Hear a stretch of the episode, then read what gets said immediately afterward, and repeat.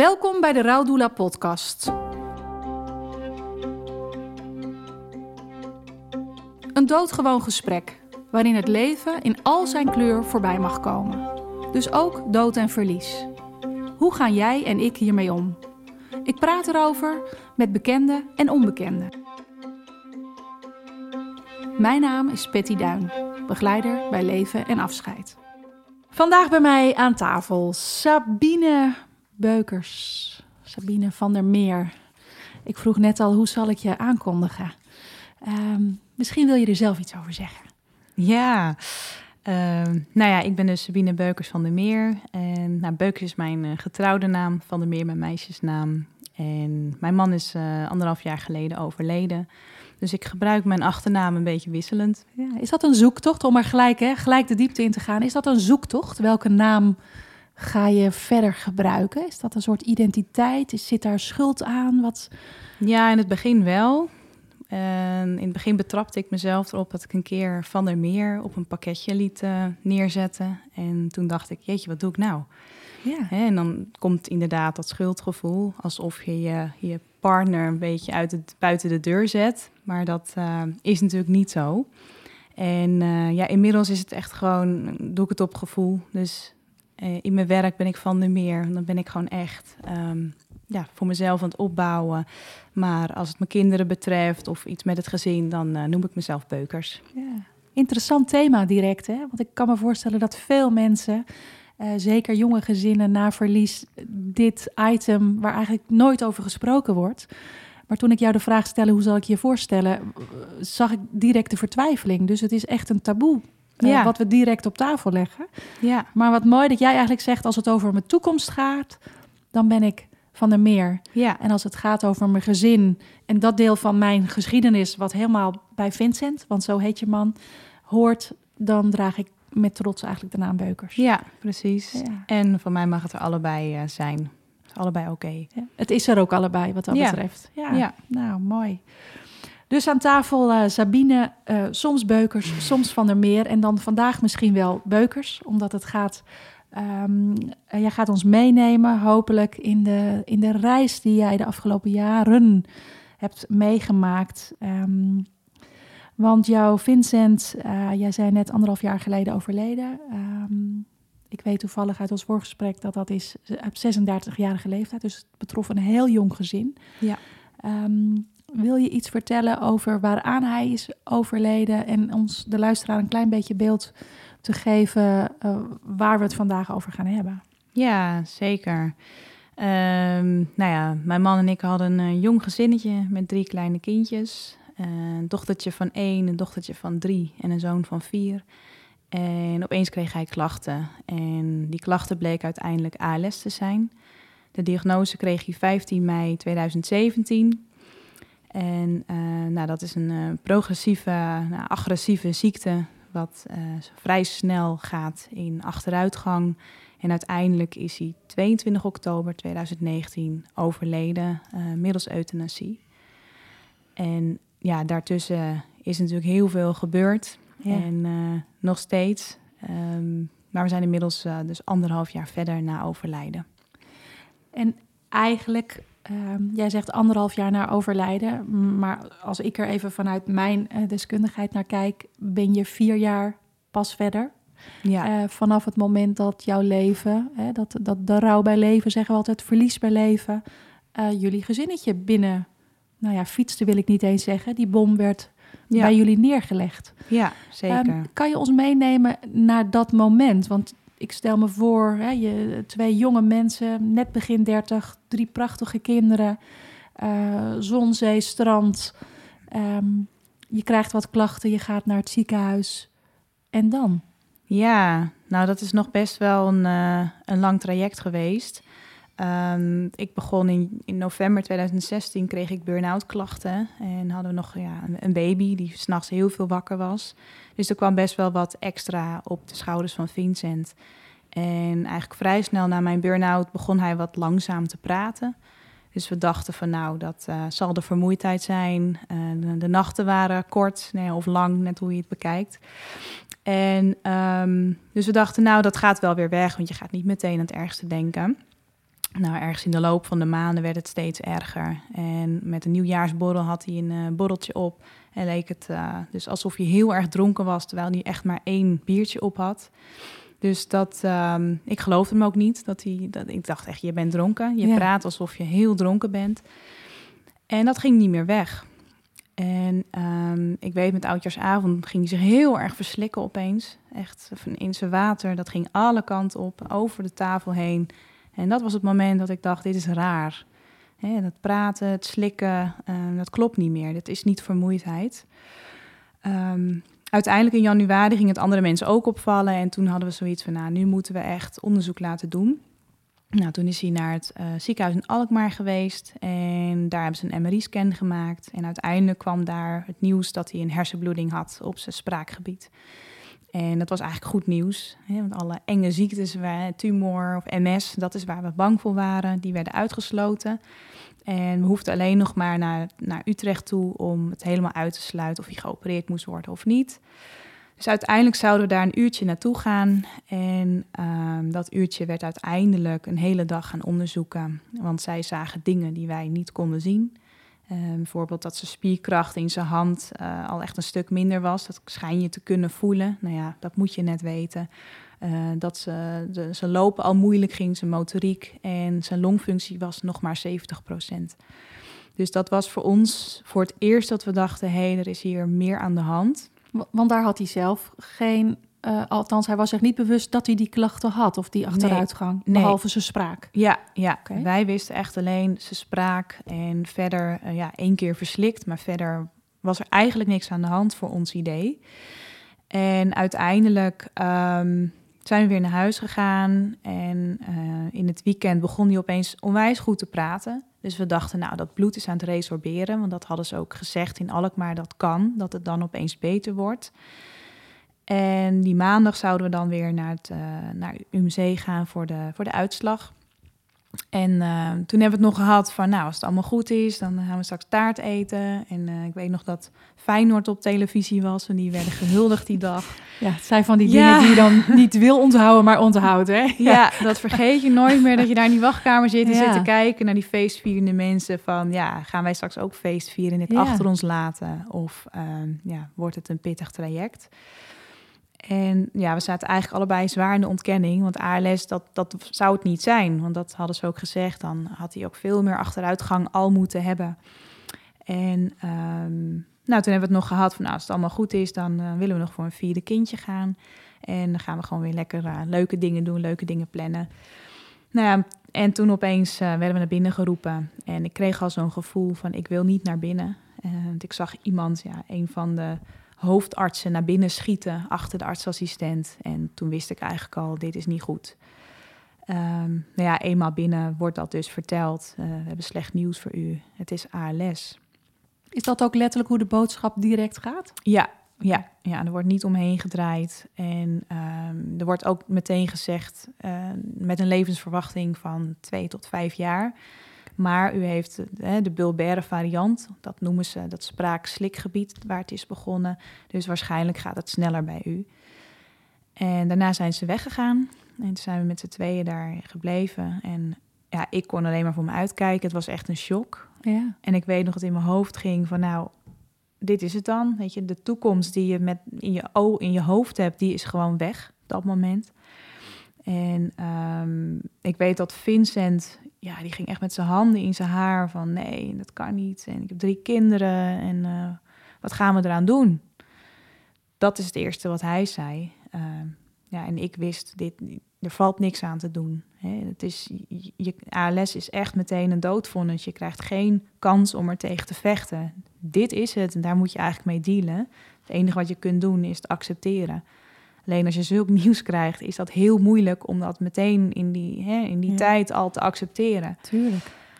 Dus um, ja, ik weet nog dat ik was helemaal verdoofd. Ik hoorde niks meer om me heen. Echt wat je in zo'n film ziet, als er iets heel heftigs gebeurt, dat al het geluid om je heen doofde. Nou, dat, dat voelde ik echt op dat moment ook. En ik heb ook echt geen idee hoe wij dat ziekenhuis uitgekomen zijn. Dat is voor mij echt een hele zwarte, zwarte vlek. En um, ja, dan ga je met dat in je rugzak naar huis. Ja. Hoor ik in jouw verhaal ook dat jullie dus allebei daar al direct, logisch, want je bent verschillende mensen, het ook, jullie hoorden hetzelfde bericht, maar je reactie en hoe je daarmee omgaat met dat, dat dat ook direct anders is? Ja. jij sloeg dicht en verstompte. Hij handen in het haar en, en ik stel me daar wat bewegelijkheid bij voor. Ja. Kan niet en hè, zo. Klopt, ja. Dus je hoort hetzelfde, maar je reageert anders. Ja, ja. Voel je daar dan wel een samen of ben je daar dan op dat moment ook eigenlijk misschien wel alleen? Nee, op dat moment voelde ik nog wel samen. Okay. Ehm, helemaal, ja, op het moment dat we echt weer naar huis gingen en we 2,5 uur over gedaan, we stonden nog in de file. Ehm, dat we echt, ik weet nog dat we echt tegen elkaar aanlagen en ook niks meer konden zeggen. En op dat moment ook echt samen gingen huilen. Van ja, wat, wat overkomt hier nu ons nu? Ja. En, um, ja, en dat je dus ook andere mensen moet gaan vertellen. En dat was heel erg samen op dat moment. In die eerste week, um, het is de ergste week van mijn leven geweest, maar ook de mooiste week. Van, vanuit verbinding die je voelde met elkaar. Um, en ook met de mensen om ons heen. We hadden toen zoveel lieve mensen die langskwamen om ons te steunen. En bloemen, nou het leek wel een soort mausoleum bij ons thuis. Ehm, maar ook de kindjes. En, en dan voel je gewoon letterlijk de essentie van het leven, de zingeving. Dat je, ja, die liefde. Hè? Dat je ondanks zulke heftige situaties zo die liefde kan voelen voor elkaar. Maar ik hoor jou dat nu heel verstandelijk zeggen. Is dat ook wat je toen voelde? Of is dat de Sabine die nu met de wijsheden en ontwikkelingen die je nu hebt, zo kan terugkijken? Wel dat het ook een mooie tijd was geweest. Kijk, als je er meer in ziet, dan is het gewoon heel zwaar. En dan, slaap je niet, je eet niet. En iedere ochtend dat je nou ja, wakker wordt of nog wakker bent, dat je afvraagt, was dit een droom? Ehm, maar ik weet ook hoe het traject daarna geweest is. Um, waar de verbinding op een gegeven moment gewoon verloren raakte. Dus zie ik dit wel als uh, ook een hele heftige week, maar ook als, uh, ja, het was eigenlijk onze beste week in deze ziekte. Want daarna werd het alleen maar uh, zwaarder en moeilijker. Ja. Hey, en um, jullie, jullie, je zegt, ik weet niet meer wat we gedaan hebben en hoe we thuis zijn gekomen. En, hè, maar je bent uiteindelijk thuisgekomen met uh, jij noemt hetzelfde woorden met het doodvonnis eigenlijk in je rugzak. Ja. Een toekomst die open lag, die opeens een, een, een eindig, einde kreeg. Niet precies wetend waar, maar er stond wel een soort jaartalletje uh, aan maximaal bij. Ja. Jij zegt dan, ga je het aan je omgeving vertellen? Uh, hebben jullie dat gelijk gedaan? Of, of hou je dat eerst samen omdat het zo'n groot nieuws is... dat je in je eigen bubbel gaat zitten en denkt van... wat, wat is dit nu eigenlijk allemaal? En ja. wat hebben we nou eigenlijk gehoord?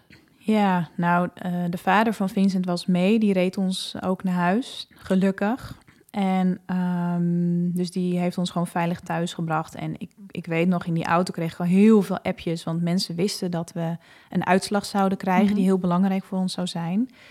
En ik weet nog dat ik toen echt dacht van... ja, nee, ik heb daar nu gewoon... ik kan dat nu ook gewoon niet vertellen of zo. Want dan wordt het echt. En eenmaal thuis was mijn, eh, de kindjes waren gewoon thuis en mijn schoonmoeder was aan het oppassen. Dus ik weet dat mijn schoonvader het aan haar verteld heeft. En uiteindelijk ehm, heeft hij ook mijn moeder gebeld. En de zus en broer van Vincent. Uh, dus dat was eigenlijk de, de inner ging eigenlijk gelijk al. Ja, en dat is niet dat ze het nieuws van, van mij of van Vincent hoorden. Want wij konden alleen maar op de bank zitten en elkaar vasthouden en de kindjes vasthouden. En ik weet wel dat we het meteen de kindjes verteld hebben. Omdat um, zij zagen ons terugkomen, verdrietig. En um, ja, kinderen die, die voelen heel veel, maar ze kunnen niet helemaal relativeren waar dat vandaan komt. Dus ik vond het wel belangrijk om daar meteen eerlijk over te zijn. En nog niet in details natuurlijk, maar wel van ja, uh, we komen net terug van het ziekenhuis. En uh, ja, we, we hebben wel verteld dat papa wat langzamer praat. hebben onderzoeken naar gedaan. En nu blijkt papa heel erg ziek te zijn en niet meer beter te worden. Nou, ja, dan krijg je meteen de hele ja, confronterende, eerlijke vragen van kinderen. Van, ja, maar wat gebeurt er dan als hij niet meer beter gemaakt kan worden? En uh, ja, toen uh, vond ik, weet nog dat ik ook heel moeilijk vond om te vertellen dat hij, dat hij dood zou gaan. Maar ik dat wel gedaan heb op dat moment. Mm -hmm. En um, vanuit eerlijkheid, ik heb het echt vanuit gevoel gedaan. Ik weet ook niet of het goed gedaan heb. Weet je, je doet op dat moment gewoon wat je kunt. En ehm, zonder ze heel veel bang te maken, want dat is natuurlijk niet wat je wilt. Maar daar begonnen de eerste uitdagingen al. Ja, direct al, hè? Zonder dat je eigenlijk door hebt dat je in die uitdaging zit, zit je er al in. Ja, ja, je zit zelf in een soort rollercoaster eh, in een roes. En ondertussen moet je ook al meteen gaan opstaan, omdat je nog met zoveel andere mensen te maken hebt. Dus mijn burn-out, die was er even niet. En ik ben gaan op gaan staan en ik ben uh, het gaan regelen en gaan zorgen. En ja, dat was een uh, hele uitdaging. Ja. Hey, en dan praat je over 15 mei 2017. Ja. Um, en dan uh, gaan de maanden en de jaren volgen. Uh, ik zeg wel eens in mijn, in mijn praktijk zeg ik wel eens van nou ja, het bericht als mensen wegfietsen bij het ziekenhuis, dan begint een ander leven. Nou, ja. letterlijk verwoord jij dat eigenlijk, hè? want je leven is omgegooid. Het is even helemaal op zwart. Uh, jij verwoordt mooi, ik ben gaan opstaan, dus, want je moet. Er liggen drie kinderen uh, die zeggen mama en, en, en de structuur van het gezin moet ook doordraaien. Ja. Um, kun, je, kun je me meenemen in, en kun je de luisteraar meenemen in die, die periode die dan volgt? Uh, ik kan me namelijk indenken dat je bent dan moeder, je bent ook partner van, je bent ook nog gewoon Sabine. Ja. Um, even los van wat het voor Vincent is, hè, maar ik spreek nu even met jou mm -hmm. en vanuit jouw perspectief. Um, hoe, hoe gaat dat? Hoe gaan die weken, maanden, uh, zoektocht in, in dat leven? En gaat dat? Ja, ja dat is uh, letterlijk met vallen en opstaan uh, gegaan. En um, ik weet, de eerste weken, ja, dan ga je in een soort vechtmodus en ontkenning. En ik denk ook dat dat op dat moment ook nodig is om te ontkennen. Want als je het meteen in vol ornaat voelt wat voor nieuws je hebt gekregen, dan, uh, dan ga je ook niet meer opstaan, denk ik. Dat is te groot dan. Dan is het te groot, te overweldigend, te angstig. Um, dus in eerste instantie zijn we echt gaan zoeken naar behandelingen wereldwijd. Wat, wat is er allemaal? Uh, omdat je niet kan accepteren dat, dat je ziek bent en er gewoon niks aan kan doen. Dus je gaat op zoek naar hoop. Je gaat op zoek naar hoop, ja. ja kleine stukjes, grote stukjes. Um, en, en ja, Vincent was heel erg van, er zit nog wat in die hoge hoed. Ik word de eerste ALS-patiënt die dit gaat overleven. En dat was zo'n vechtersmentaliteit van hem. Daarmee kwam hij echt de dagen door. Om maar niet te denken dat, he, dat hij achteruit zou gaan of zou overlijden. Dat was gewoon geen optie voor hem op dat moment. En ja, ik was echt op zoek naar hoop voor verlenging vooral. Omdat ik ook wel wist, ja, er is nog nooit een patiënt geweest die dit overleeft. Dus ik ben uh, ja, als een gek uh, op PubMed gaan zoeken, wetenschap, database voor de gezondheidszorg. Ik ben ook gezondheidswetenschapper, dus vandaar. Um, en verloskundige. Dus ik ben echt gaan zoeken, zoeken, zoeken. Maar dat ging zo extreem. Dat ging gewoon uh, ja, overdag. Dan zorgde ik voor de kindjes. Maar als ik ieder moment even vrij had, ging ik erachter. Maar ook s'nachts zeker. Ik sliep ook gewoon niet meer. Om maar ja, een soort van uh, hou vast ergens te gaan krijgen. Want anders heb je het gevoel dat je verzuipt. Je wil een stukje controle.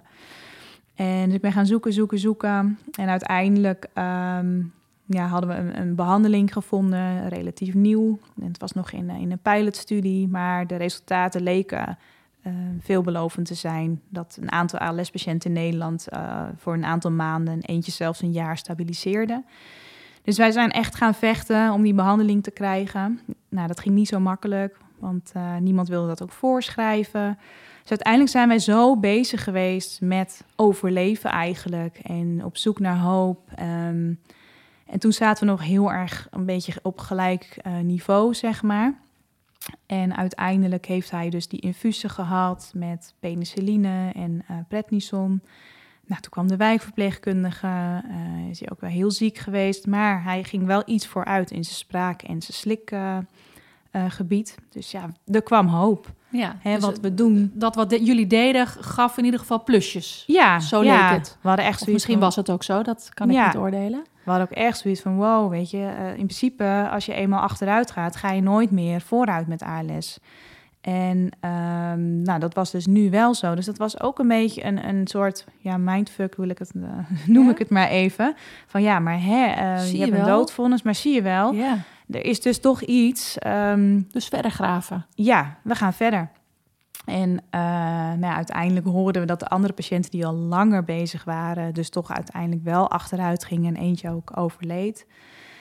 Dat wil je niet horen. je wil echt gewoon zoiets, ja, maar dit, dit, dit werkt dus, we gaan hiermee door. En uiteindelijk is, uh, heeft Vincent nog gekozen voor een nieuwe behandeling in Seattle. En um, ja, dat is een soort holistische behandeling. Dan kijken ze echt naar alles uh, in je hele lijf, je voeding, je, je metalen in je lichaam. Uh, bijen of bijensteken kreeg die in zijn ruggenmerg, infusen. Maar het was een hele dure behandeling, dus we zijn een crowdfunding actie gestart. En dat was allemaal heel mooi, maar ook heel overweldigend. En daar zijn we elkaar een beetje ook wel kwijtgeraakt, denk ik, in die periode. En wat maakte dat jullie elkaar daarin... Uh, jij maakt het woord kwijtraken. Uiteindelijk zijn jullie elkaar uh, gelukkig niet kwijtgeraakt. Nee, hè? Want nee, nee. Daar weet ik gelukkig iets van. Maar dat woord kwijtraken, dat voelde jij ook zo. Maar wat maakte dat je dat voelde? Omdat hij helemaal, zeg maar, de, eh, zijn gezicht bleef focussen op dat licht en op de hoop. En jij steeds reëler werd? Is dat wat het kwijtraken... Ja ja, dat is uh, wat ik, wat, ik zeg inderdaad. En um, kijk, rationeel gezien uh, begrijp ik supergoed dat hij dit gedaan heeft. En, en geeft het me ook wel een goed gevoel, want we, hij, hij heeft er echt alles aan gedaan om zo lang mogelijk bij ons te blijven. Maar op een gegeven moment kwam bij mij echt het besef van ja, maar we hebben nog maar zo korte tijd.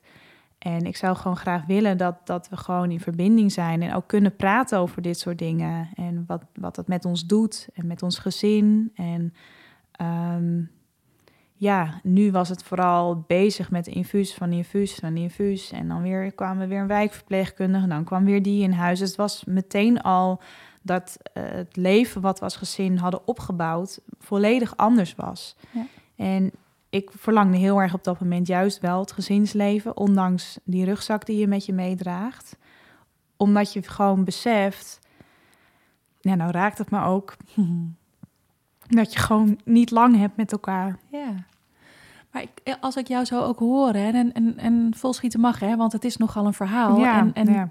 Um, hè, dus het water staat voor je, neem het vooral.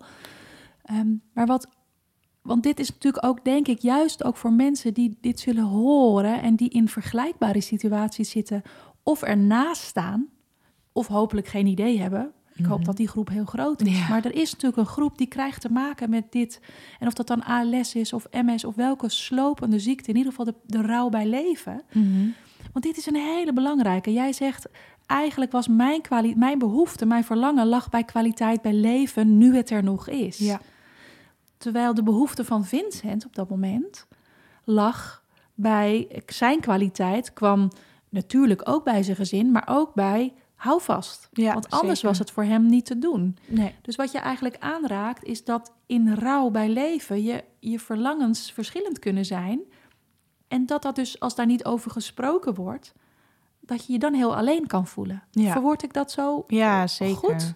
Ja, die eenzaamheid, dat is echt, uh, ja, die is heel erg uh, aanwezig geweest. En dat is die, jou, die nu bij jou binnenkomt, ja. kan ik me zo voorstellen. Ja. Dat je je daar alleen in hebt gevoeld. Ja, absoluut. Ja. En hoe, hoe ga je daar dan als gezin mee om? Zo goed en zo kwaad als dat gaat. Hè? Want ik kan me indenken dat jij zegt, ja, ik wilde praten. Of dus je probeert denk ik dat gesprek met je man op gang te brengen. Maar goed, ja. hij was bezig met bijen steken en met... Uh, hè, dus hoe, hoe ging dat? Hoe ging, of ging dat helemaal niet? Hè? Nee, nee dat, dat ging heel moeilijk. En um, hij wilde het daar echt niet over hebben. En uh, daar hebben we ook best wel af en toe, nou ja, dat hij dan een beetje nukkig werd tegen me. Of ja, en dat raakte mij dan weer van, oké, ik ben blijkbaar niet goed genoeg bijvoorbeeld. Dus dan ging ik me afzonderen eigenlijk. Dat is wat ik ging doen. En ik voelde me ook heel erg onbegrepen, nou, sowieso vanuit de omgeving. Er is natuurlijk heel veel aandacht voor, voor, voor de, ja, degene die ziek is, in Vincent in dit geval. Wat ik ook absoluut begrijp hoor, begrijp me niet verkeerd. Maar uh, ja, ik was wel degene die alles moest regelen en staande moest blijven en voor de kindjes moest zorgen. En Maar er was geen ruimte voor mij, voor mijn gevoel, bij niemand in die tijd. En dus wat, ja, ik ben zelf hulp gaan zoeken buitenaf. Um, bij een, een, psycholoog en een haptotherapeut. Uh, de ene die, die hielp mij echt om in mijn gevoel te komen en uit die overlevingsstand. Want ja, hoe langer je daarin zit, hoe meer roofbouw je, je gewoon pleegt. Uh, op een gegeven moment was ik 24 kilo afgevallen en ik sliep niet meer. Um, dat werkte gewoon niet echt puur angst. Van ja, wat, wat overkomt me? Kan het niet? Um, angst voor wat er ging komen. Want iedere dag was natuurlijk maar weer afwachten wat er ging gebeuren. En ja, uiteindelijk nou ja, hebben we jouw hulp ook uh, erbij gekregen. In gesprekken met, met Vincent, met mij, maar ook met het systeem om ons heen. Ja. Want was, ja, Daarmee iedereen... bedoel je de familie, hè? Ja. Dus iedereen betrokken. Ja, want daar zaten heel veel scheurtjes, zoals je nu eigenlijk al even voor de luisteraar samenvat. dat je zegt, um, ik, ik, ik voelde me niet begrepen, omdat er heel veel zorg gaat naar degene die ziek gaat. Ja. Dat is natuurlijk ook wat er ook zo'n taboe, want we raken ongelooflijk de diepte nu. Ja. Dat er zoveel zorg is voor degene die ziek is, maar jij had ook eigenlijk de diagnose. Hè, het gezin had de diagnose ALS. En dat wordt wel eens vergeten. Hè? Er wordt makkelijk aan, of niet makkelijk, onbekendheid doet dat. Ja.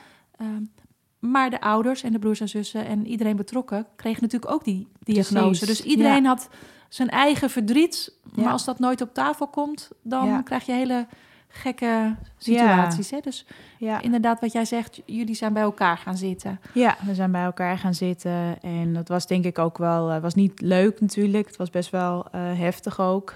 Um, maar het was wel goed om, om ja, elkaar ook eens te horen in het verdriet. En, want dat was onze verbindende factor op dat moment. Alleen omdat we daar nooit met elkaar over spraken. Uh, mede omdat we ook allemaal positief wilden blijven, ook voor Finn. Want dat was natuurlijk zijn uh, houvast. Um, maar dat was er, dat, hè, werd dat verdriet eigenlijk niet echt erkend. En dat was wel fijn dat dat op een gegeven moment wel uh, besproken werd. Zodat je ook elkaar wat beter gaat begrijpen daarin. Ja.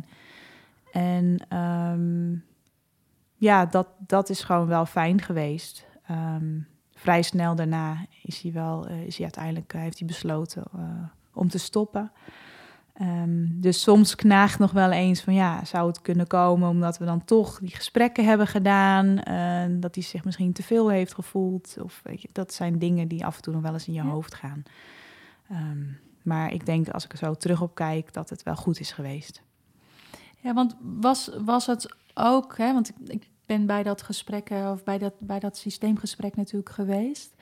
Um, wat jij nu zo zegt, het was, wat jij daaruit hebt gehaald, was vooral ook het perspectief van een ander horen, maar vooral ook jouw perspectief op tafel leggen hè, en, en daarin de verbindenheid voelen. Mm -hmm. um, kan het zo zijn? Jij zegt, daar voel ik me wel eens, daar heb ik wel eens even zo een vraagteken bij van jeutje, was dat voor Vin niet een, hè, want voor iedereen was het dan heel confronterend, ook voor Vincent. Ja. En tegelijkertijd is dat juist, hè, iedereen heeft, hij heeft letterlijk de ALS in zich, maar uiteindelijk het, iedereen heeft die diagnose ja. meegekregen en moet daar met elkaar mee dealen. Um, zou het zo kunnen zijn dat dat voor Vincent ook voor de eerste keer echt was dat hij zag um, dat hij niet de enige is die daar uh, letterlijk mm -hmm. uh, pijn aan had. Ja, dat, dat denk ik wel, dat dat uh, daar wel zichtbaar in werd. Maar met name dat hij zich heel machteloos ook heeft gevoeld, um, omdat hij mij ook zag aftakelen. En dat ik het eigenlijk niet meer volhield. En dat er ja, van wel hulp voor hem was, maar voor mij niet. En dat is het moment dat hij eigenlijk wel is gaan opstaan voor mij voor het eerst. Ja. Um, dus dat, dat was dan wel weer heel fijn dat, dat dat nog gebeurde. Ook omdat ik dan weer, hè, ik word nu weer even gezien. Hè? Ja. En, um, en tegelijkertijd vind je dat weer heel lastig, want je wil hem ook heel erg onzien en juist niet met mijn uh, stukje belasten. Maar ik hield het gewoon echt. Ik hield het niet meer op deze manier. Nou ja, ik, ik dank je wel voor je openheid. Want ik denk juist dat je hier iets heel belangrijks uh, op tafel legt. Namelijk, want daar, de, jullie waren natuurlijk in die periode twee eilandjes weer geworden. Ja. Waren jullie niet, maar zo voelden het. Omdat ja. die ziekte zat ertussen en alle ruis daaromheen zat ertussen. Dat dit um, zo'n moment was dat je weer je samen voelde. Ja? Want hij ging, uh, nou, wat je, je zegt zo mooi, hij ging voor mij staan. Hij nam het voor jou op en hij zei echt, maar ho even, wacht even, dit is mijn vrouw. Ja. Uh, binnen zijn kunnen wat hij kon spreken, maar uh, non-verbaal was heel duidelijk. Wacht even, dit is mijn vrouw, dit is mijn gezin, dit zijn mijn kinderen. En jullie hebben haar ook serieus te nemen. Ja. Ja. Wat iedereen ook wel wilde, maar Zeker, wat ze ook nodig hadden misschien om dat van hem te horen. Ja, nee, kijk, iedereen heeft altijd de beste intenties gehad, absoluut. En uh, iedereen heeft ook echt wel geholpen waar, waar kon. Um, maar ja, wat logisch is dat de aandacht heel erg naar hem ging, maar daarmee werd. Uh... Nou ja, dat kun je je afvragen. Hè? Ja. Dat is hoe de maatschappij is geënt. Als iemand in een rolstoel zit, gaat alle aandacht ernaar, ja. maar wie loopt erachter? Ja. Dus hoe logisch is dat? Dus ik ben blij met dit doodgewone gesprek, want, want het is dus heel belangrijk om oog te houden voor iedereen. Ja, zeker. Um, en wat jij zegt, het gaat ook niet om vingerwijzend. Nee, Helemaal zeker niet zelf, dat hoor ik je ook. Hè? Ik hoor je vooral ook uh, zorg te hebben voor iedereen daaromheen. En dat was er ook en dat is er ook. En ik denk dat dat ook heel belangrijk is om te benoemen. Kwam daar weer een stuk verbinding terug tussen jullie? Ja, ja zeker. Uh, er kwam meer verbinding. Er was weer wat mogelijkheid uh, om dingen ook te bespreken. En, um, ja, en, en er kwam meer hulp. En dat was wat we zo nodig hadden. Uh, zodat ik ook af en toe even een paar uurtjes um, nou ja, even niet hoefde te zorgen, zeg maar. Gedwongen het huis uit werd gestuurd. Ja, precies. Ja. Of deed je het, of deed je het zelf? Ja, nee, nou, in het begin was het nog een beetje lastig allemaal te organiseren. Want we merkten ook, ja, uh, de mensen om ons heen vonden het ook wel heel spannend om alleen met Vince te zijn. En, uh, en dan niet met, om, van, vanwege zijn persoon, maar omdat ook wel incidenten gebeurden. En dan bedoel je uh, verslikken ja, of okay. vallen, verslikken. Um, hij heeft ook wel eens bijvoorbeeld ineens had hij heel veel pijn. Um, of hij kon ook ineens heel ziek worden. Dat, dat, dat gebeurde best met regelmaat. Dus uh, nou, had ook zondevoeding wat gegeven moest worden. Um, dus dat was best wel een, een grote zorg. En um, dus ja, dat, dat is best wel uh, spannend ook als je dan alleen met hem bent en je hebt daar geen ervaring mee. Kan ik me voorstellen dat dat een drempel ook is. Hoe was dat voor jou om die zorg over te dragen en dan even voor jezelf te kiezen, gedwongen of niet? Ja, ook wel lastig hoor. En uh, het is ook niet heel vaak gebeurd ik denk twee keer of zo. en dan zit je toch even goed. Ik had ook een, weet ik nog, een hele map gemaakt met telefoonnummers. En uh, met, uh, nou, als dit gebeurt dan, als dat gebeurt dan. Ook een beetje mijn controlfreak uh, die dan even aanwezig is. Maar, ja, ehm, misschien heet het liefde. Ja, ook hoor. Ja, je wilt gewoon dat hij het goed heeft. Ja. En, maar ook degene die die hem verzorgt, dat die niet uh, zich rot voelt of het spannend vindt. Dus dat ik probeerde eigenlijk voor iedereen te zorgen daarin, behalve voor mezelf. Hmm. Ja. Dat is ook weer zo'n ding, hè, wat op tafel komt. Uh, ja. ja. Ja. Daar gaan we het zo over hebben.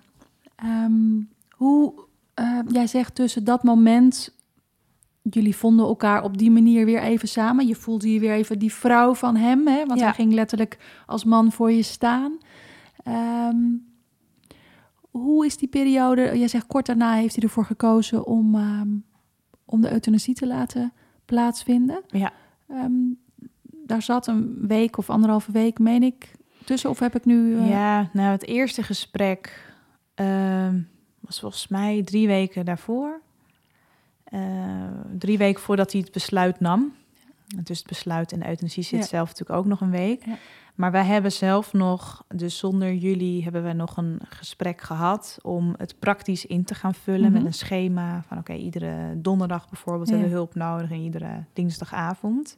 Wie wil dat doen? Wie kan dat doen? Eh, dus toen kwamen we nog een keer met elkaar samen. En dat is een hartstikke goed gesprek geweest. En de dag erna is hij gevallen. Mhm. Ehm, we zaten aan het ontbijt en hij zat in zijn sta-opstoel en ik was met de kindjes naar nou ja, een drukke ochtendspits, eh, alle haren doen en eten. En eh, Vincent probeerde te gaan staan terwijl hij dat eigenlijk niet meer kon. En toen is hij voorover met zijn hoofd eh, op de punt van, van het kastje gevallen.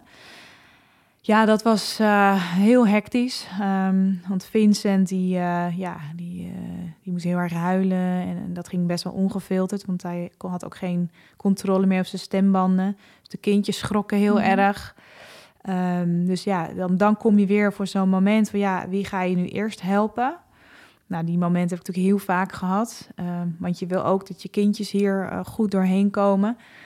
Dus ik ben eerst naar Vince toe gegaan. Ik heb hem eerst uh, ja, op zijn zij gelegd, zodat hij niet kon stikken of wat dan ook. En ben daarna weer teruggegaan naar de kindjes om uh, even knuffel te geven. Verteld van nou, papa is gevallen. Uh, jullie mogen hier blijven. Jullie mogen bij hem gaan liggen. Je mag ook naar boven als je het te spannend vindt. Mama gaat nu weer even naar papa. Dus probeerde ik wel heel erg um, ook hun erbij te betrekken. In ieder geval ook daar aandacht voor te hebben. En um, ja, Vincent, die, ja, die, ik kon hem niet in mijn eentje omhoog uh, tillen. Dus ik heb mensen gebeld uit de, uit de buurt. En, uh, maar ja, het was acht uur s morgens, dus niemand uh, nam zijn telefoon op. Uiteindelijk heb ik de tillift erbij gepakt. Maar hij had altijd gezegd, ik ga niet in de tillift. Dat ga ik niet doen. Maar het lukte ook niet, want ik wist ook niet hoe, de, hoe dat werkte. En ik heb het wel, het is me ooit een keer uitgelegd, maar op dat moment uh, lukte het me gewoon niet. En hij deed het niet, de batterij was leeg. Um, gedoe. Ja, en ondertussen heb je kindjes in paniek en een man die uh, in paniek is. Een wanhoopsituatie, ja, allen. en dan voel je je zo machteloos. Uh, dus toen ben ik bij hem gaan liggen, tegen hem aan, ook op de grond. En de kindjes gingen ook bij ons liggen eigenlijk. En toen werd hij rustiger. En gelukkig kwam toen de hulptroepen aangerend en uh, hebben we hem uh, in zijn stoel kunnen zetten. En um, ja, op dat moment dan moet je weer door, want die kindjes moeten naar school. En toen stuurde hij mij een appje, want hij kon niet meer praten in die tijd. dus hij had een, ja, een soort iPad met oogbesturing en daarmee kon hij dan typen. En toen heeft hij mij gestuurd van, nou ja, dit is genoeg, ik wil niet meer. En dat heeft hij wel eens eerder gezegd, maar ik voelde nu wel dat het menens was. En ik weet nog dat ik zei van, nou, ik, ik wist ook echt even niet meer wat ik moest zeggen, want het kwam heel onverwachts. En ik zei van, joh, ik uh, ga nu de kindjes naar school brengen, dus ik moet nu even sterk zijn. Dus ik ga nu echt even op hun focussen en dan kom ik terug en dan gaan we het erover hebben. Dus dat heb ik ook gedaan. Dus ik heb de kinderen gewoon nog naar school gebracht. En dan sta je daar met alle schoolmoeders en uh, grote zonnebril op. Uh, en um, ja, dan ga je naar huis en dan weet je dat gesprek gaat nu gewoon komen. En uh, dat was ook zo. En uh, ja, in eerste instantie had ik zoiets van, joh, het komt heel onverwachts. Uh, wil je misschien eerst nog met iemand over hebben, bijvoorbeeld met jou of met zijn therapeut of met zijn maatschappelijk werk. Hij heeft natuurlijk een heel team had hij om zich heen. Um, om toch ja, mm -hmm. nog mhm. even met niet, ja, niet met mij, want ik heb ook allerlei emoties, maar ja, iemand die tuurlijk. er verder van afstaat om uh, objectief daarover te praten. In eerste instantie zei hij van nou, ik wil wel uh, met Patty uh, dan gaan praten. En echt na vijf minuten zei hij ja, maar ik heb mijn besluit eigenlijk al genomen. En ja. die heb ik een paar weken terug al genomen. En ehm, dus ja, dezelfde dag kwam dan de huisarts. En ja, we hadden meteen uh, een paar uur later een, een, tijd en een datum. Dus dat was ook heel onverwachts. Ja. En um, wat deed dat met jou? Kwam ja. Kwam er ook een. Ik kan me namelijk indenken, hè, want, want we praten hier over anderhalf, twee jaar. Letterlijk vallen, opstaan, uh, niet weten in wat voor tombola je zit, denken dat je het helder hebt, toch ja. weer niet kinderen die van alle zorgen, überhaupt een jong gezin is al hogeschool, laat staan dat je dit er ook nog bij hebt. Ja. Dan zit je zelf ook nog in een, uh, nou, een halve burn-out bestaat niet. Dus nee. je zat gewoon ja. vol in een burn-out, maar er was geen aandacht voor. Ja. Ongelooflijk hectiek. Dan komt deze ja, berusting bijna. Dat, ik stel me zo voor, hij ligt op de grond, jij, gaat er, hè, jij ligt erbij. Ik kan me voorstellen dat dat bijna een soort magisch moment was in we weten het allebei, maar we zeggen het nog niet. Ja. Zoiets. Ja. Toen hij die woorden uitsprak, was er toen ook een soort. En begrijp me heel goed wat ik nu ga zeggen. Was er toen ook een soort van. Ja. Opluchting. Ja, ik wil het niet, maar ik snap ja. het ook. En. Ja. Zoiets. Nou, dat zeker. Het is een heel... Uh... In de goede zin van het woord, hè? Zeker, Want je zeker. wilde hem niet kwijt. Dat, nee, daar nee, hoeven we het niet over te niet. hebben. Nee, ik wilde hem zeker niet kwijt. Uh, maar de ziekte, die kon ook niet langer zo doorgaan. En op een gegeven moment wordt de angst voor het leven met de ziekte groter... dan de angst voor, voor de, ja. het afscheid. De angst om te stikken, denk ik, ja, heel groot. Ja, want dat gebeurde al heel regelmatig, dat hij dan ineens blauw aanliep. Uh, maar ook, hij had ook beademing nodig in de nacht. Uh, we hadden constant ook zorg over de vloer in de nacht. Dus de incidenten werden steeds vaker en groter en heftiger. Dus je gaat constant op zo'n alertstand staan.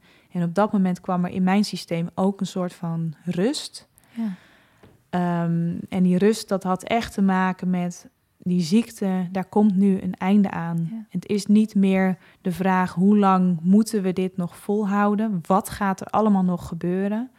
Dus er kwam een stukje ja, controle, wil ik niet zeggen, maar een stukje duidelijkheid in na 2,5 jaar onduidelijkheid eigenlijk. En ja, die rust was ook maar van hele korte duur, want daarna komen de grote emoties van, uh, ja, dan ga ik hem, ik ben hem al, in gaandeweg uh, verlies je iemand al steeds een beetje, zeg maar. Maar goed, hij, hij was er nog wel, dus zijn aanwezigheid was er nog. En dan komt het definitief afscheid. Van ja, dan moet je ook afscheid nemen van het laatste. Mhm. Eh, het fysieke en de vader van je kindjes en, en, en, je man. Dus ineens kwam de Vincent van voor de ALS voorbij. Ja. En ehm, dat, je, dat je hem eigenlijk al heel lang mist. Ja. Maar dat je daar dus nu ook echt afscheid van moet gaan nemen. Ja, dat was heel heftig. Dat, uh... En wat jij nu ook zegt, hè, ik denk dat dat ook eh, dat je dat mooi verwoordt. En het komt ook recht uit je hart, want ik zie wederom dat het je raakt. Ja. Ehm, het zijn ook eigenlijk twee dingen. Hè? Je hebt Vincent en je hebt de ziekte. Ja. En heel vaak in een ziekteproces wordt dat gezien als één. Ja. Ehm, en zelfs ook in onze gesprekken uh, en ook in de hulpverlening überhaupt, is natuurlijk de uitdaging om dat ook uit elkaar. Want je mag wel eens, je bent wel eens boos en dan voel je je wel eens schuldig, of dat hoor ik ook wel eens bij mij in de praktijk. Maar je bent niet boos op Vincent. Ja, soms ongetwijfeld ook omdat hij gewoon reet irritant is, omdat hij een karaktereigenschap heeft. Want die, die behoudt iemand natuurlijk ook. Ja, ja, ja. Maar je durft bijna niet eens boos te zijn, want het is al zo erg dus wat ik mensen altijd probeer mee te geven, je hebt de persoon zelf en je hebt de ziekte. Ja. En eigenlijk wat jij nu zegt, ik was blij dat die ziekte ophield. Ja. En toen pas kwam ook het besef, ja, Finn ben ik natuurlijk eigenlijk zoals ik hem ken al heel lang kwijt. Maar hij is er toch nog. Ik kan hem nog aanraken. Ik kan nog in zijn ogen kijken, die nog prachtig hè, gingen stralen als hij jou zag en als hij de kinderen zag. Ja. Dus daar kwam de emotie, niet bij die ziekte. En dat, dat uit elkaar halen helpt ook, denk ik, om nou ja, alle gevoelens die er ook zijn, zeker. te accepteren wellicht. Ja, zeker. Ja, nee, maar dat, dat is ook echt zo. Kijk, je krijgt op een gegeven moment zo'n hekel aan zo'n ziekte, die eigenlijk uh, voor je gevoel op dat moment alles van je afneemt. En dat je iemand zo ziet, ziet vechten en zo uh, machteloos ziet, uh, ziet zijn. Het was natuurlijk een hele sterke, vrolijke man. En die vrolijkheid heeft hij zeker altijd gehouden. En de positiviteit ook. Maar um, ja, op een gegeven moment gaat, ga je iemand steeds meer als een soort ziekte uh, hè, die, die overheerst. Je gaat hem niet als een ziekte zien, dat wil ik niet zeggen, maar wel um, dat is ALS. Hè, dat hij valt, dat is ALS. Dat hij in een rolstoel zit, dat is de ALS. Uh, dat je niet meer met elkaar kan praten, dat heeft allemaal met die ziekte te maken. En op het moment dat hij dat uitsprak, ja, dat was het ook het, het moment van dat je Vincent weer als, als, als mijn man, die, hè, zoals ik hem heb ontmoet, zo ging zien en voelen. En, en dat was zo fijn om dat ook weer uh, te voelen, zeg omdat je allebei zo in je overleving hebt gezeten, allebei eigen eilandje. En dat werd weer samen. En ja, daarbij kwamen natuurlijk zeker uh, hele grote emoties. Want je, dat was ook het moment dat ik dacht, ja, maar ik wil dit helemaal niet. Ik wil jou helemaal niet kwijt. En dat wilde ik natuurlijk sowieso niet, maar kon je daardoor weer bij de liefde? Ja, hoor, eh, ja. hoor ik je dat zeggen? Ja, zeker. Ja. En dat betekent niet dat je dat tijdens de ziekte nooit gehad hebt. Helemaal niet zelfs. Want je, je er minder al... bij kon, omdat er zoveel ALS tussen zat. Ja, omdat je zo bezig bent met, met, met overleven eigenlijk. Dat je sowieso niet zo heel veel meer voelt op een gegeven moment. En toen ging ik weer heel erg voelen. En de mooie dingen... Vincent ook? Vincent ook, allebei. En je voelt dan de mooie dingen, maar je voelt dan ook het grote verdriet, wat je eigenlijk al die tijd een soort van uh, weggestopt hebt. Dus dat was heel intens van heel veel liefde, warmte, maar ook heel veel verdriet. Ook, maar ook van wat er allemaal daarvoor is gebeurd. dat kwam zo als een soort mhm. vulkaanuitbarsting. Uh, kwam dat los eigenlijk naar, naar die ene zin die hij mij stuurde. En ehm, toen mocht ik ook weer voelen. Want ik hoefde niet meer. Kijk, als je midden in die ziekte zit, dan denk je nou misschien moeten we nog wel, hè, duurt het nog wel vijf jaar of tien jaar, dus ik moet het volhouden. En nu had ik zoiets van, ja, maar ik hoef het niet meer vol te houden. Ja. Hè, er is nu een soort eind, uh, eindpunt en tot dan moet ik het volhouden en dan, dan hoeft het niet meer. Het klinkt heel gek, maar... Nee, ja, ik vind het helemaal niet gek. Ik, ik vind het ook eerlijk van je dat je het zegt. En ik denk ook dat het, um, dat het goed is dat je het zegt. Want daardoor, en daarmee geef je anderen ook van op een moment hoeft het ook niet meer. Je geeft bijna goedkeuring aan anderen ook om, als ze dat al denken, ook het letterlijk toe te staan. Want daardoor kwam er ook dus een hele, nou ja, mooie week. Ja, of een mooie periode, even los van hoe lang dat precies duurde. Omdat er weer ruimte was om de liefde te voelen en om elkaar als Vincent en Sabine te zien. Ja. Ja. Even los van alles wat wel en niet meer kon, maar gewoon je, je voelde elkaar, er was verbinding, begrijp ja. ik. Ja, absoluut. Hey, en ehm, dan komt het dan komt het moment, dan komt de dag. Ja. Eh, hoe heb je je kinderen daarin meegenomen? Ja, dat vond ik het allermoeilijkste om, uh, om zij daar, hun daarin te begeleiden. Ehm, we hebben sowieso eigenlijk na het gesprek met de huisarts, voordat we mensen gingen inlichten, hebben wij met z'n tweeën uh, besproken hoe gaan we dit nu vormgeven deze week. Want wat we niet wilden is dat er constant mensen afscheid zouden nemen mhm. met kindjes erbij. Ehm, dus we wilden eigenlijk echt gewoon nog een, een, een, week waarin we met het gezin konden zijn en, en met de mensen afscheid konden nemen zoals zij ook aanwezig waren in ons leven. Ehm, dus we hebben heel erg het belang van de kinderen erbij gesteld, uh, vooropgesteld en uh, gekeken naar Vincent, naar mij, wat is onze energie, wat kunnen we nog. En we hebben het uh, niet dezelfde dag verteld, want we hebben het eerst zelf even goed laten landen allemaal.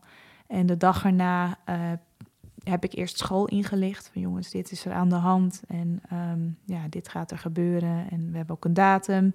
En daarna heb ik de kindjes uh, verteld wat er zou gaan gebeuren. Um, dus ja, eigenlijk gezegd van ja, papa is heel erg ziek, zoals je, hè, dat weten jullie, dat zien jullie. En um, mama heeft ook verteld dat papa niet meer beter wordt. En, en nou ja, dat moment, uh, ja, hij is nu zo ziek dat zijn lichaam er nu mee gaat stoppen en dat hij zal overlijden. En uh, ja, toen vroeg mijn oudste ook van, maar hoe weet jij dat dan, dat hij doodgaat? Ja. toen dacht ik, oh ja. Ja, dat is een goede vraag, schat. Ja, hoe ga je vertellen ja. dat een arts gaat komen en dat, uh, dat hij euthanasie gaat krijgen? En dus nou, vertelt van dat papa de keuze gemaakt heeft, dat, dat hij zo ziek is dat het eigenlijk niet meer gaat. En dat de dokter hem een medicijntje gaat geven waarna hij zal overlijden. Nou, dan krijg je heel erg, vooral mijn middelste dochter. Dus papa wil dood. Weet je wel? Dat is eigen keus. En dat zit nog steeds er wel een beetje in. Um, van, maar waarom wilde papa weg? Waarom wilde papa bij ons weg? Hè? Ze gaan het op zichzelf betrekken. Um, dus ja, je vertelt het. Ze werden heel verdrietig meteen. Vooral mijn middelste man heel erg te huilen. Papa, ik wil je niet kwijt. En ja, dan breekt je hart. Ja. En dan heb je echt het gevoel dat, je, dat ik ze dat aandoe. Mm En ehm, ja, op een gegeven moment kwam de, die avond kwam de scanarts ook om uh, uur of acht. Maar ze wilden gewoon niet gaan slapen, alle drie. Ze waren zo verdrietig. En ja, dat was echt zo van, hoe, hoe, hoe dan? Hoe ga ik dit doen? Ehm, dus uiteindelijk ook hulp daarvoor ingeschakeld. Dat de buurvrouw even kwam bij de kindjes te zitten boven. En uh, nou ja, zo, ik moest, dat gesprek moest wel even gevoerd worden natuurlijk. En uh, ja, zo is iedere dag een beetje een uitdaging geweest. We zijn iedere dag gewoon opgestaan, zoals iedere ochtend. En uh, goedemorgen papa. En we gingen met elkaar ontbijten. Dus we hebben het zo heel ja, zo normaal mogelijk gehouden. Um, maar ook wel weer speciaal, want ze waren gewoon thuis. Ze mochten zelf uh, kiezen van gaan we naar school of niet. En op een gegeven moment hadden ze ook vakantie. En we hebben nog heel veel leuke dingen gedaan. Uh, zijn met, nou, we hebben gevraagd aan de kindjes van wat willen jullie nog doen met papa deze week? Ze hebben een lijstje gemaakt. Dit is wat ze willen. Dit is haalbaar. Want ze wilden bijvoorbeeld ook naar de Efteling nog een nachtje. Ja, ja dat... Even in de Python. ja, dat, dat werd hem niet meer. Maar um, zo hebben alle kindjes wat mogen, mogen ja, inbrengen wat ze wilden gaan doen. En dat hebben we allemaal kunnen afvinken met ze. Dus we zijn naar de bioscoop geweest, uh, zijn met vrienden, hebben een busje gehuurd, zijn we naar het strand geweest, hebben nog even geluncht, uh, we s'avonds nog Indisch gegeten. En zo hadden we iedere dag eigenlijk een soort van, ja, de mensen om ons heen uh, die we graag om ons heen wilden. En um, nou, dat is heel goed geweest. En Kes is zelfs nog met Vincent naar AZ geweest, met een hele mannengroep, met de vrienden. Mm. En uh, toen hadden ze een skybox met eten. En uh, Kes mocht ook het, met de speler het veld op. Dus dat, dat is echt een herinnering die voor hem zo belangrijk is nu. En dat was zo mooi. Ja, totdat die mannen dan weer thuis kwamen. En dat, dat was hun afscheidsmoment. En dat heb je natuurlijk gedurende die week. Iedere dag heb je dan mensen die dan weer afscheid nemen. Ja, en dat was heel zwaar. Ja. Voor Vince, voor, voor mij, voor de kindjes. Ja. En uiteindelijk op de dag zelf, um, ja, dat was heel heftig. Ik uh, heb ook niet geslapen. En ja, dan start je s morgens je kindjes op. En ik heb ze extra mooie kleren aangedaan en hun haren mooi gedaan. Ik weet nog steeds niet waarom, maar ik vond dat blijkbaar heel belangrijk op dat moment. En uh, ja, dan kwamen ze s morgens eerst infuus plaatsen. Ja, de kindjes weer bij betrokken. Van, nou, dit is wat papa heeft gekregen in zijn hand. En nou, doe dat bij. En dan krijg je weer vragen. En uiteindelijk uh, wisten ze ook dat ze rond 11 uur opgehaald zouden worden en dat dat het laatste moment was met papa. Ja, dat is een heel moeilijk moment waar ik eigenlijk niet over kan praten. Niks moet. Nee. Want ik kan alleen maar zeggen, dan kan je even ademhalen, dat je dat ongelooflijk, en jullie hebben dat ongelooflijk knap gedaan. Hè? Je weet, ik ben heel erg voorstander van kinderen betrekken daar waar ze dat zelf ook voelen. Want jullie hadden drie totaal verschillende kinderen, verschillende leeftijden. En de een had hele directe vragen en wilde overal bovenop zitten. En de ander deed dat, hè. Zeker Kes deed het op zijn eigen moment, af en toe op de bank en toch stiekem. En als wij dachten, hé, hey, waar is Kes? Dan zat hij lekker uh, bij Vincent, bij wijze van spreken. Dus, die dus kinderen doen dat op hun eigen manier. En wat jullie zo knap hebben gedaan, um, is openheid gegeven op ieders niveau natuurlijk. Hè? Dus dat, dat heel duidelijk. En wat jij zegt van, ik hoor jou tussen de regels door zeggen, ja, dat krijg ik soms nog wel eens terug. Hè? Over wilde papa dan niet bij ons blijven? En het handvat daarin is eigenlijk hetzelfde. Uh, heb het over Vincent en heb het over de ziekte. Ja. En als je dat uh, uit elkaar gaat trekken en blijft trekken, gaan jouw kinderen, en dat doen ze ook al, maar gaan, dan gaan ze dat ook op een andere manier. En dan kunnen ze dat ook beter gaan zien op het moment dat, dat ze daar rijp genoeg voor zijn natuurlijk. Klopt. Dus jullie hebben dat ontzettend knap gedaan. Ja, je doet het vanuit je gevoel. En uh, we hebben ook allerlei boekjes gelezen uh, voor ze, wat heel herkenbaar was. En dus ja, ik, je doet het naar het beste kunnen. En ik, ik heb daar ook wel een goed gevoel bij hoor. En uh, sowieso het hele afscheid, ook na overlijden, hoe, hoe we ze erbij hebben betrokken. En uh, daar zit ook gewoon heel weinig lading op, merk ik bij de kinderen. Ja. De lading zit vooral op die ziekte daarvoor. En, uh, en het gemis nu, natuurlijk van papa. Ja. Maar het, het, overlijden zelf, wat ik, ik als kind ben, ook mijn vader verloren, heb ik best wel um, als traumatisch ervaren, zeg maar. Heb ik het gevoel dat dat nu niet zo is. Maar goed, daar zat ook een grote zorg hè, voor jou. Dat ja. je dacht, jeutje, als zij dat ook gaan doen en dan keer drie ja. ook nog eens. Ja, dus precies. dat heb, je, nou, dat, dat, dat heb je knap gedaan. En volgens mij, als ik zie hoe levenslustig je kinderen het leven weer omarmen. Natuurlijk ja, met hun verdriet, want ze moeten zonder hun vader door. Natuurlijk doet dat zeer. Dan heb je dat, uh, heb je dat knap gedaan. Er zijn nog heel veel onderwerpen waarover wij nu eigenlijk verder zouden moeten praten. Maar om het voor de luisteraar ook behapbaar te houden, gaan we voorzichtig richting, richting een einde. Wie weet komt er wel, ik zeg dat geloof ik tegen iedere gast die hier zit, een vervolg. Dus wie weet. Um, want we zitten nu eigenlijk pas op het moment van zijn overlijden. Maar waarom ik het zo belangrijk vond om met jou dit echt eventjes zo dieper op in te gaan, is dat dit is dus het proces rouw bij leven. Ja. Dat begint op de dag dat je bij die dokter zit en dat je hoort van ja, uw toekomstperspectief gaat van oneindig, niet wetend, naar iets waar een lijntje met potlood staat. Ja. Ja. Daar, en daar gebeurt al zoveel. Dus het besef voor, voor mensen die in deze situatie zitten, maar met name ook voor de omgeving. Het besef dat daar al zoveel gebeurt. Ja, zeker. Ja. Um, ik, ik zou nog wel een, even los voor, voordat ik helemaal naar de afronding toe ga en, en jou ga vragen wat jij vooral die luisteraar nog wil meegeven, heb ik nog een belangrijke vraag. Want ik, voor mij zie ik een Sabine zitten die ja, nu een klein beetje verdrietig is en verslagen door het verhaal, omdat je helemaal in je gevoel gaat. Mm -hmm. Ehm, maar ik zag je hier ook binnenkomen en dan zie ik een totaal krachtige, levenslustige vrouw binnenkomen.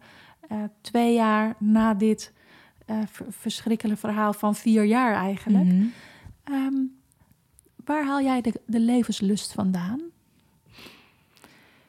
Um, ik denk vanuit de liefde voor mijn kindjes, maar ook zeker uh, liefde voor Vincent, die je altijd met je, met je meedraagt. En um, ja, ik, ik, met emoties is ook zo, je bent niet je emotie, je ervaart je emotie. En op het moment dat ik dat ging beseffen, dat je dus een keuze hebt van ga je er helemaal in mee of uh, ja, erken je dat gevoel, het verdriet, um, dan komt er ook weer ruimte voor het geluk. En, dat kan ook naast elkaar bestaan. Hè? Het verdriet en blijdschap, dat is allemaal ja, oké als dat naast elkaar is. En um, ja, Vince, ik weet ook door gesprekken uh, dat Vincent ook echt niet had gewild dat ik in een hoekje zou gaan, gaan liggen. Dus dat, zo zit ik ook niet in elkaar. Dus ja, je gaat opstaan en dat begint met kleine stapjes. Met gewoon weer je bed uitkomen en je ontbijtje maken. En uiteindelijk ja, doe je het ook echt wel voor je kinderen. Ja. En natuurlijk ook voor jezelf. Want ik ben nog zo jong. Ik heb nog een heel leven voor me. En uh, ja, daar moet je wat van maken. Ondanks dat het soms heel verdrietig en heel zwaar kan zijn. Nog steeds. Um, je leeft maar één keer. En ik heb ook gezien hoe snel en ineens uh, je leven om kan slaan. En ik ben vooral gewoon heel blij dat me nu gewoon gegund is. Dat, ik relatief uh, rust heb. En uh, dat we gewoon ook weer kunnen genieten van dingen. En dat is wel een keuze die je kan maken om weer te gaan genieten en jezelf toe, toe te staan ook dat dat mag. Ja. Ja, het is mooi dat ik jou dit allemaal hoor zeggen, want ik, ik heb natuurlijk ook iemand gezien en ik denk, en dat, dat wil ik wel even benoemen, omdat mensen die, die jou nu horen spreken, denken, jeetje, wat een krachtige vrouw, maar daar kom ik nooit, hè, als zij in die situatie zitten van jou twee jaar terug. Ja.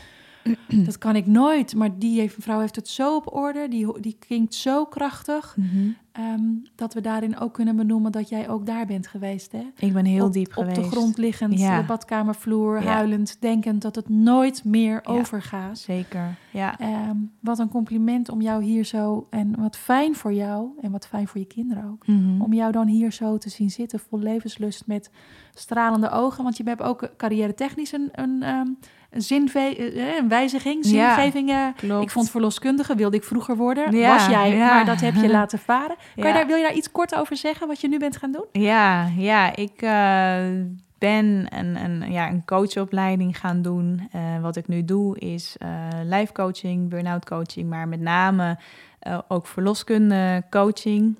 Tijdens mijn werk als verloskundige heb ik natuurlijk heel veel mensen ook meegemaakt. Psychosociale problematiek, angsten voor bevalling, maar ook miskramen, kindjes die overleden zijn, postnatale depressies. En daar is vrij weinig aandacht voor. Dus ik probeer daar een verbinding in te gaan slaan. En begeleid dus mensen die ja, vastlopen zonder zwangerschap of met. En ja, daar haal ik heel veel voldoening uit. En uh, ik ben uh, door de opleiding ook zelf enorm gegroeid daarin.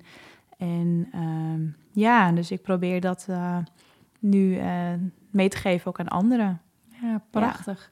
Ja. Wat zou jij de, de luisteraar die hoort en die nu in deze situatie zit waar jij in zat, of die wellicht in zijn directe omgeving dit meemaakt, wat zou jij die nog mee willen geven? Iets wat je misschien zelf als heel positief of wat je zelf als moeilijk hebt ervaren. Ja. Kan je daar iets? Er zal vast niet één ding zijn, maar kan je daar iets in zeggen? Nou, ik denk het belangrijkste is, uh, wees lief voor jezelf. Um, alles wat op je pad komt, alle leuke dingen, maar ook de hele nare dingen en hoe je daarmee omgaat. Wees mild naar jezelf. Je doet naar best te kunnen. En um, het blijft niet altijd zo zwaar. En een mens kan ook echt meer aan dan je denkt. Dat heb ik ook echt zo ervaren.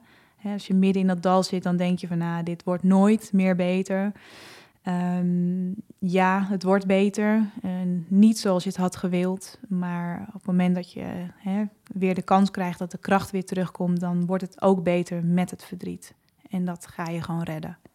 Kijk je uit naar de toekomst? Ja, ja, zeker ja, ik voel me nog wel kwetsbaar. Ik denk, er moeten ook nu geen hele grote, zware dingen even op mijn pad komen. Ik voel dat dat is nog wel een soort angst die je nog wel met je meedraagt. Um, maar ik probeer, ja, ik krijg wel langzaam weer wat vertrouwen in het leven. En ehm, nou ja, ik heb er ook gewoon zin in om ja, mooie herinneringen te gaan maken met mijn kindjes. En we nemen Vincent daar altijd uh, in mee.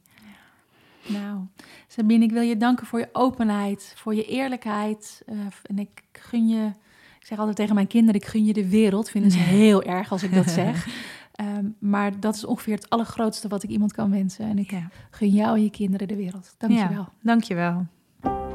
Wat fijn dat je luisterde. Wil je meer weten? Ik heb ook een boek geschreven.